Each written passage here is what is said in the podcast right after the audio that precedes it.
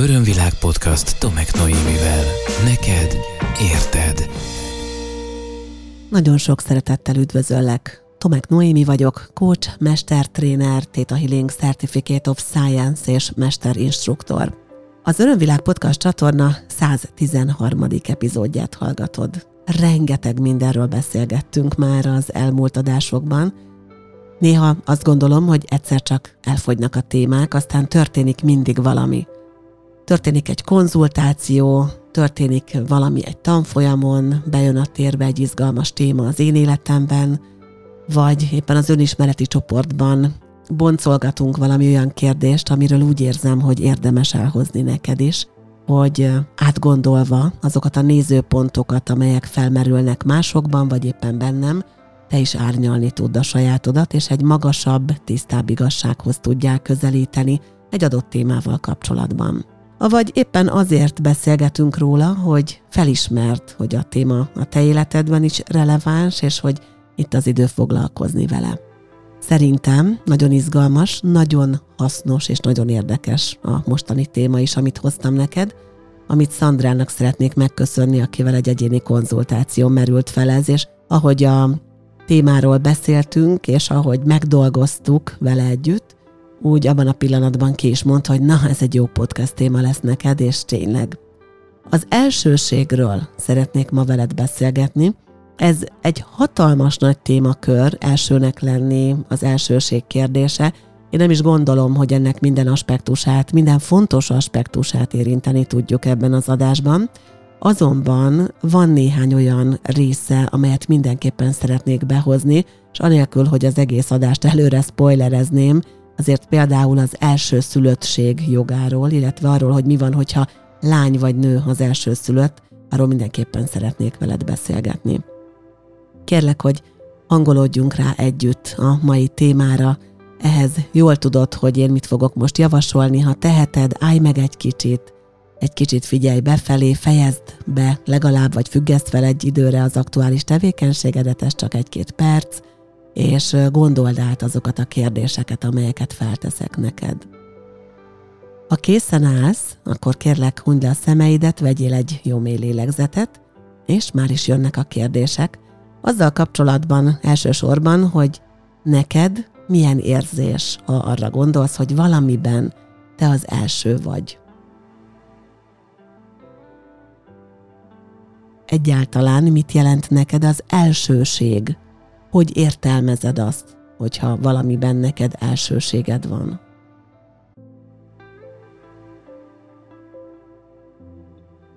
Mit gondolsz?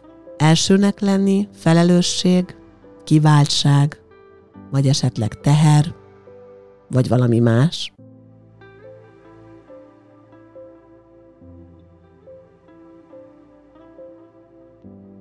Következő kérdésre kérlek mindenképpen ilyen nagyon spontán vágd rá azt, ami esetleg a tudattalanodból vagy a genetikai mintáidból szól ki rajtad keresztül, kinek lehet elsősége?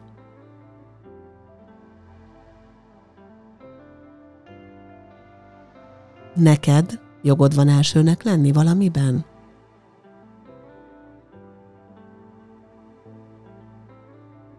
Mi a legjobb abban, hogyha valaki első?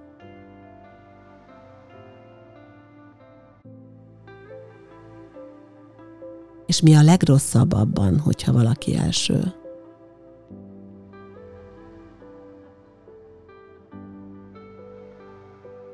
Miben szeretnél, vagy miben szerettél volna az életedben első lenni, de nem jött össze?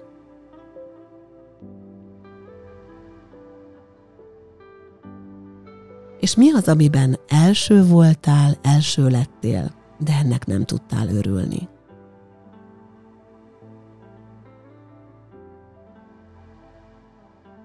És végül még egy kérdés, hányadik gyermek vagy a családban?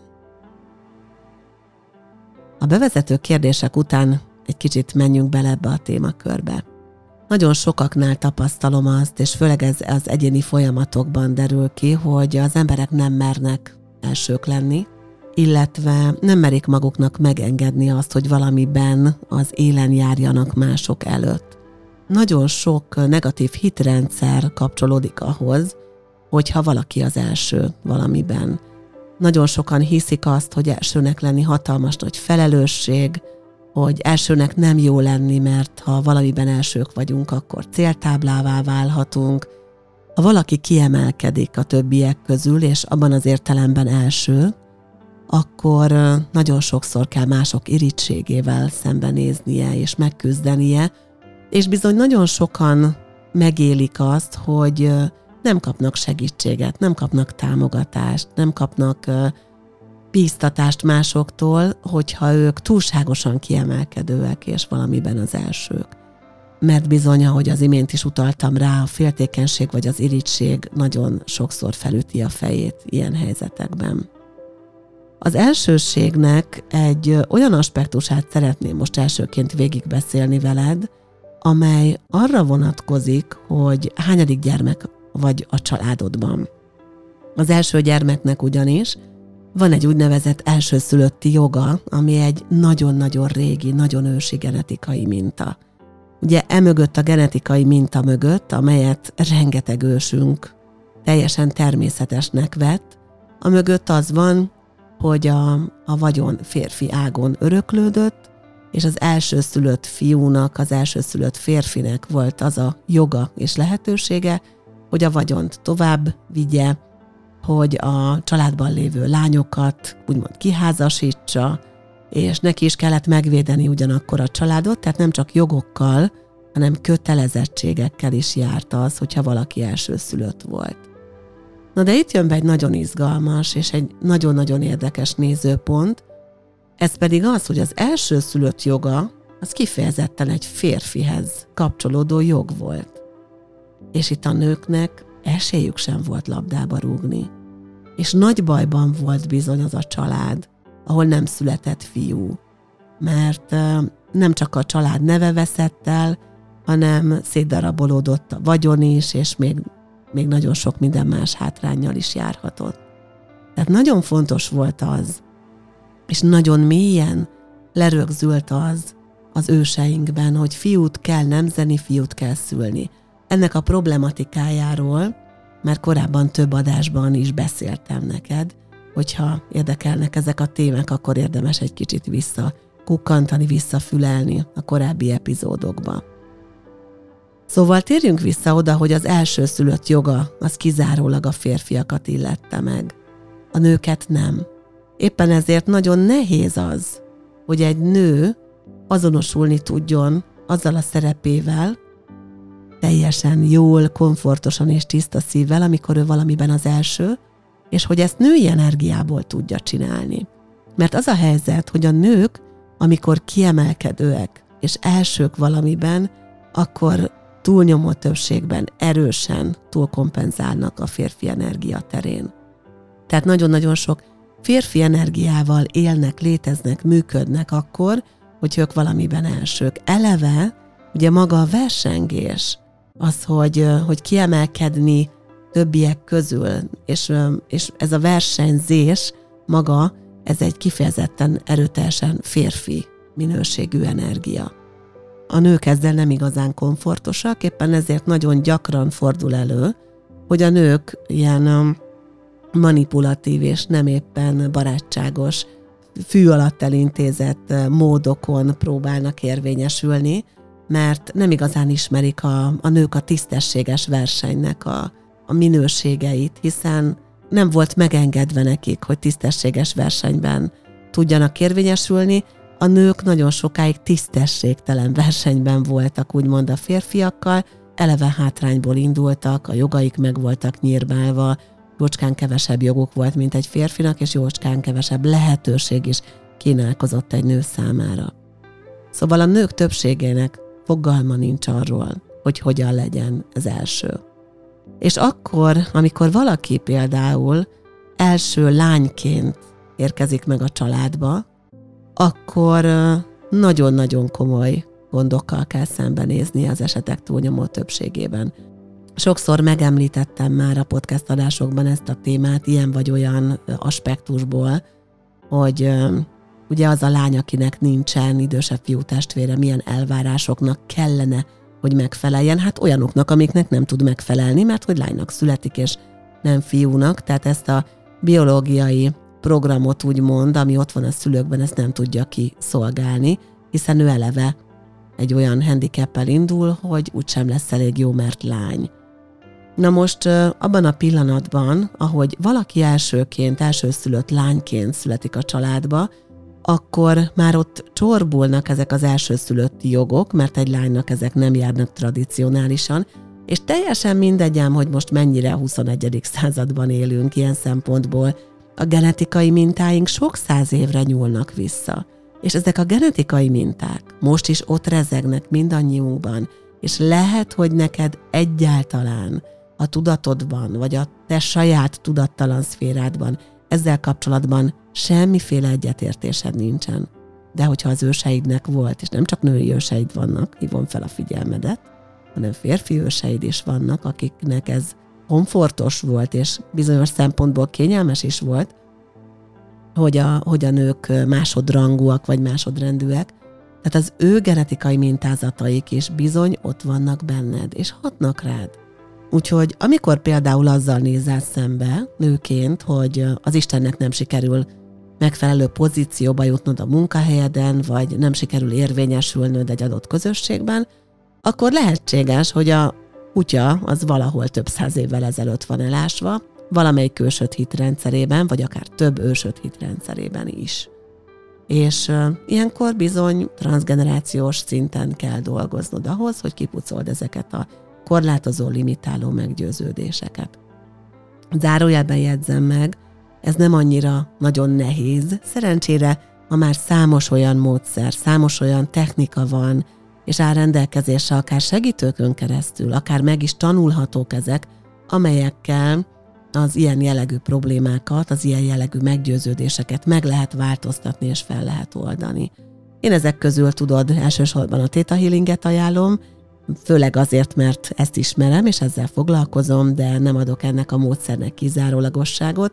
Nagyon-nagyon nagyra tartom a családállítást is. Én azt gondolom, hogy a kineziológia is egy nagyszerű módszer, és még vannak más olyan technikák, akár a Source Memory Healing is, ezzel is foglalkozom, vagy különböző pszichoterápiás módszerek, amelyekkel ez nagyon szépen elérhető és megdolgozható. De néha egyébként egyeseknek akár csak a felismerés is elegendő ahhoz, hogy változtatni tudjanak ezeken a meggyőződéseken, és a felismerés által az egész rezgésük erre az adott témára meg tudjon változni, és fel tudjon emelkedni egy támogatóbb szintre. Örömvilág podcast. Neked érted. Szóval az első szülöttség egy nő számára szinte lehetetlen, hogy azokat a jogokat, azokat a kiváltságokat adja, mint amit egy férfi számára ad alapvetésként. Aztán persze ezen tudunk változtatni, ahogy mondtam. Nagyon fontos az, hogy, hogy amikor elsőszülöttségről beszélünk, akkor lehet, hogy ennek az energiája azért nem tud megjelenni valakinek a terében, és azért nem tud élni például azzal a lehetőséggel, hogy ő élen járjon valamiben, vagy első legyen valamiben, hiába születik első gyermekként, mert esetleg volt a családban magzatvesztés, és nagyon sokszor van az amúgy, hogy erről édesanyja nem tud, vagy a szülők nem tudnak róla. Nagyon korai fázisban, spontán módon abortálódott magzatról általában nem tudnak. Lehet, hogy hogy egy-két csepp vérzés van, egy kis pecsételő vérzés, ami bárminek betudható, és fogalma sincs a szülőpárnak, hogy valójában nekik ott egy, egy elindult élet szakadt meg, és, és akkor ők valójában elveszítették a, a gyermeküket, mert bizony-bizony energetikailag és a tudattalan számára ez már veszteséggel egyenértékű, akkor is, hogyha alig néhány napig volt édesanya terében az a megfogant magzat. Szóval ott van az a nagyon faramuci helyzet, amikor, amikor elviszi, úgymond ezt az elsőségi jogot, vagy az elsőszülött jogát. Valaki, aki meg sem született. És hiába jön utána valaki úgy, hogy minden lehetősége adott lenne arra, hogy érvényesüljön, valami miatt nem tud. Mert bekapcsolhatnak a tudattalamban azok a mintázatok, amelyek már reagálnak a meg nem született testvér létére, és aki úgy jön világra, hogy előtte lehet, hogy egy vagy akár több testvére is, vagy potenciális testvére ugye távozott édesanyja méhéből, vagy testéből, a megfoganást után hosszabb, rövidebb ideig volt csak a fizikai testben, és utána távozott a nem fizikaiba, akkor ez hat rá. És nem tudja megmondani, hogy, hogy miért is nem tud élni a lehetőségeivel. Vagy nem tudja megmondani azt, hogy miért van neki annyira bűntudata vagy lelkiismeret fordalása.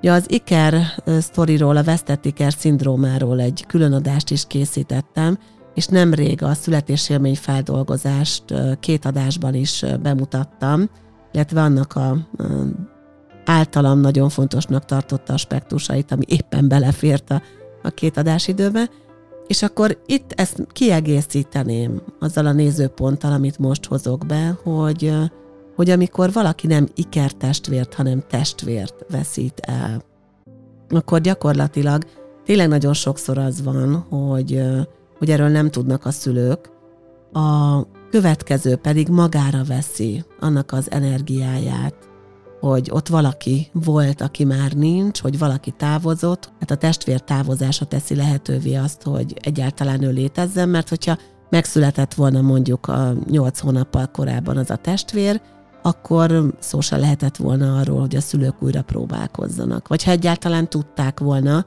és mondjuk gyászolnak és átgondolják, hogy mikor próbálkozzanak újra, akkor lehet, hogy még, még eltelt volna x idő, mire ezt megengedik maguknak.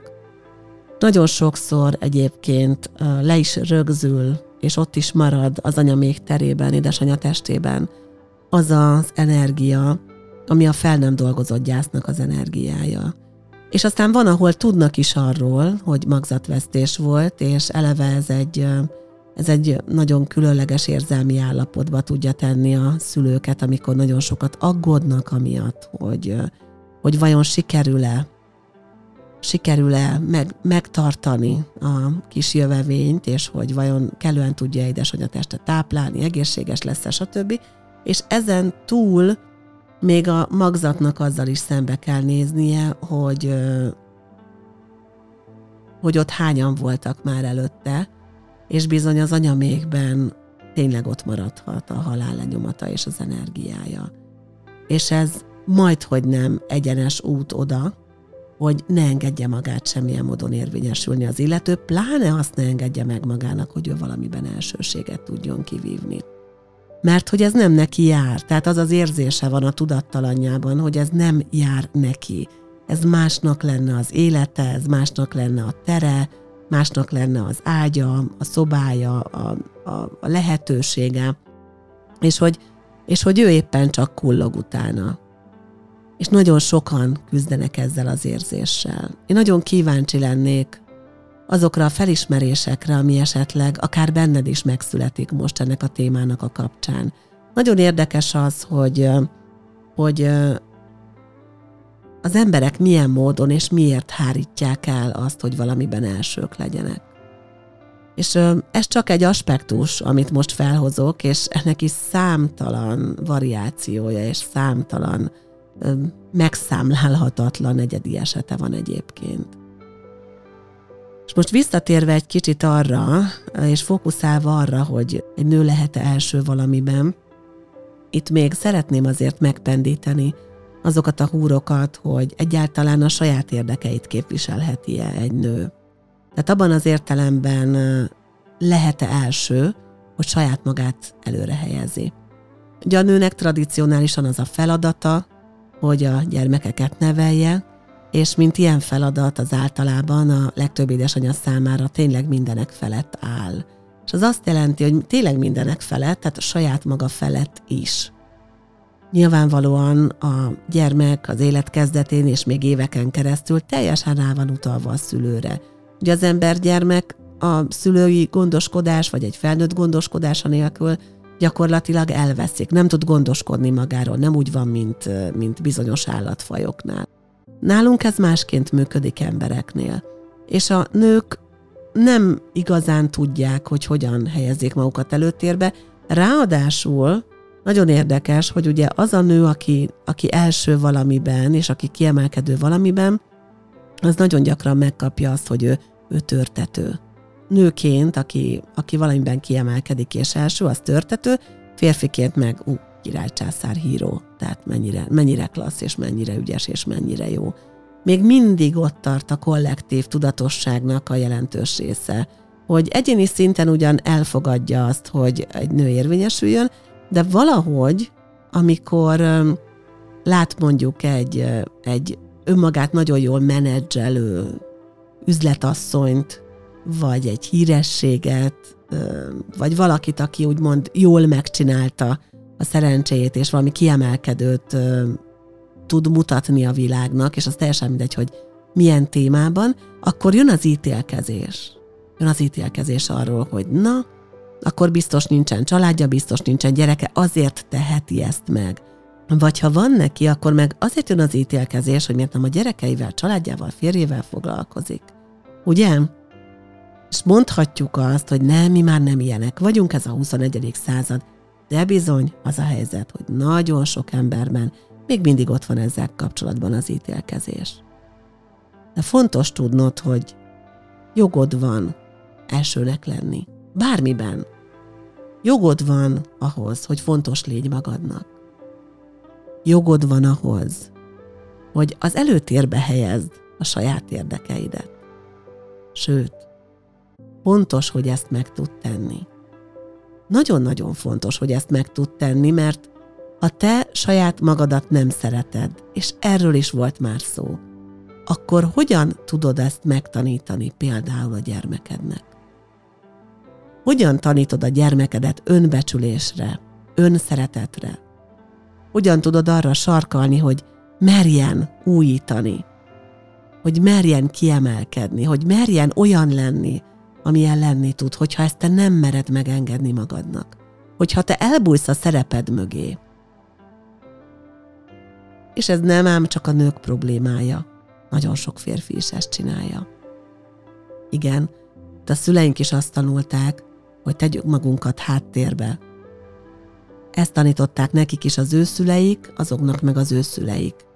Ezek nagyon erősen lerögzült, nagyon-nagyon régi, mondhatni ősi genetikai mintázatok. Na de az emberiség folyamatosan fejlődik.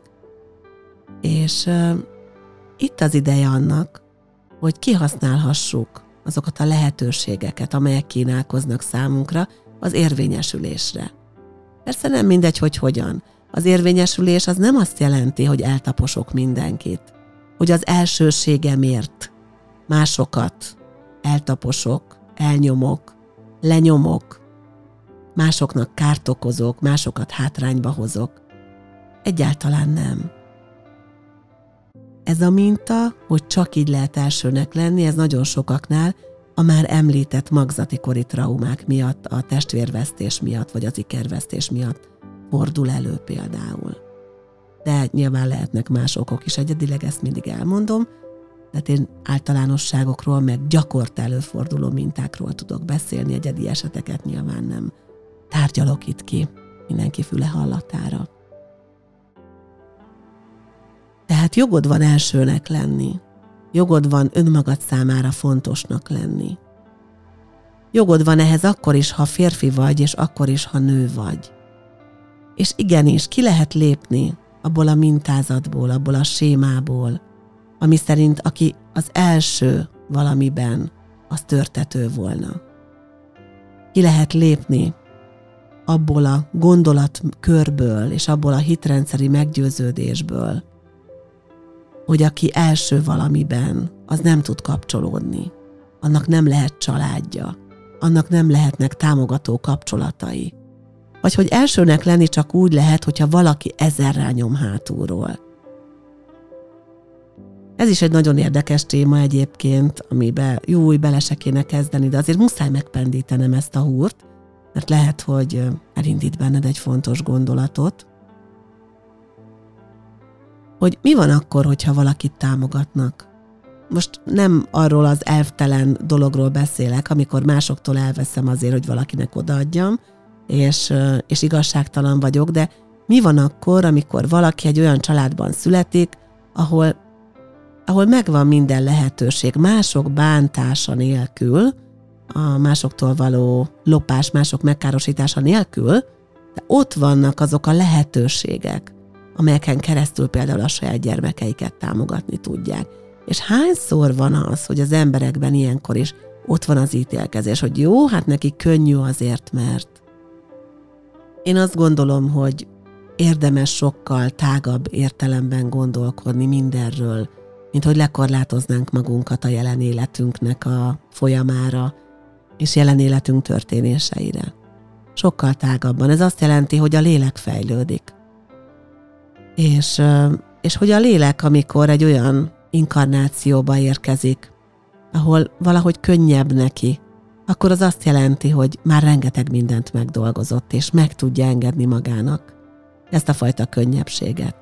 És amikor valaki könnyedén az első, akkor nagy valószínűséggel sokszor maradt már le. Sokszor állt már félre. Sokszor tapasztalta már meg azt, hogy elsőnek lenni nehéz, vagy hogy bántják érte, vagy hogy túl nagy felelősséggel jár, vagy hogy neki nem jár azért, mert milyen a neme, vagy azért, mert milyen nemzethez tartozik, vagy mert milyen vallású. Nagyon fontosnak tartom azt, hogy el tudjuk ismerni mások teljesítményét. Mert ebből mindig tanulhatunk, és igenis nagyon jó példa lehet az, hogyha valakiben meglátjuk azt a potenciált és azt az erőt, ami által ő képes kiemelkedni, és képes valamiben nagyszerűt alkotni, és képes valamiben elsőnek lenni.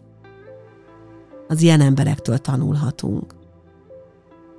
Nem kell minden mintát, sémát lemásolni és átvenni, de én azt gondolom, hogy az elismerés az egy nagyon erősen támogató és felemelő energia. És hogyha nem irítséggel tekintünk azokra, akik elsők tudnak lenni, hanem azzal az örömmel, hogy milyen nagyszerű, hogy ők ezt már megdolgozták, és ezért beleérkezhetnek ebbe az állapotba, akkor ez minket is nagyon szépen előre mozdít a saját utunkon. Rengeteget lehetne az elsőségről, meg az elsőnek lenni témájáról beszélni. Ez tényleg csak egy kis kiragadott szelete volt annak, amit ebbe az adásba hoztam neked, de bízom abban, hogy voltak benne, vannak benne olyan nézőpontok, amelyek most egy kicsit téged is elgondolkodtattak, és előre lendítettek. Kíváncsi vagyok a véleményedre és a felismeréseidre, úgyhogy most is arra bíztatlak, hogy ragadj billentyűzetet és írj nekem a podcastkukat örömvilág.hu e-mail címre. Ha úgy érzed, hogy segítségre van szükséged a saját témát feldolgozásában, akkor ajánlom neked a Theta Healing egyéni konzultációkat, a különböző coaching folyamatokat nálam, vagy akár bármely munkatársamnál az Örömvilág Tudatosság Központban, vagy bármely olyan segítőt, aki egy számodra szimpatikus, és neked jól befogadható és elfogadható módszerrel dolgozik. Hogyha szeretnél értesülni aktuális programjaimról, ha úgy érzed esetleg, hogy velem fejlődnél vagy tanulnál, akkor kérlek, látogass el a www.örömvilág.hu honlapra, és nézd meg az aktuális programokat. Megköszönöm, hogyha tetszésedet kinyilvánítod azzal az Örömvilág Podcast csatorna iránt, hogy követed bármely appon, vagy esetleg a YouTube-on, és azt is megköszönöm, hogyha a social média felületeimet, akár a Facebookon, a Tomek Noémi hivatalos oldalt, akár pedig a Tomek Noémi oldalt, vagy az Örömvilág Podcast oldalát követed az Instán. Hálás vagyok azért, hogy együtt gondolkodhattunk, és hogy egy kicsit együtt elmélkedhettünk ebben az adásban is. Remélem találkozunk legközelebb is. Szeretettel ölellek. Ez volt az Örömvilág podcast Tomek Noémivel. Hétről hétre új témák, érdekes nézőpontok a tudatosság útján járóknak. www.örömvilág.hu Témát ajánlanál? Podcastkukac örömvilág.hu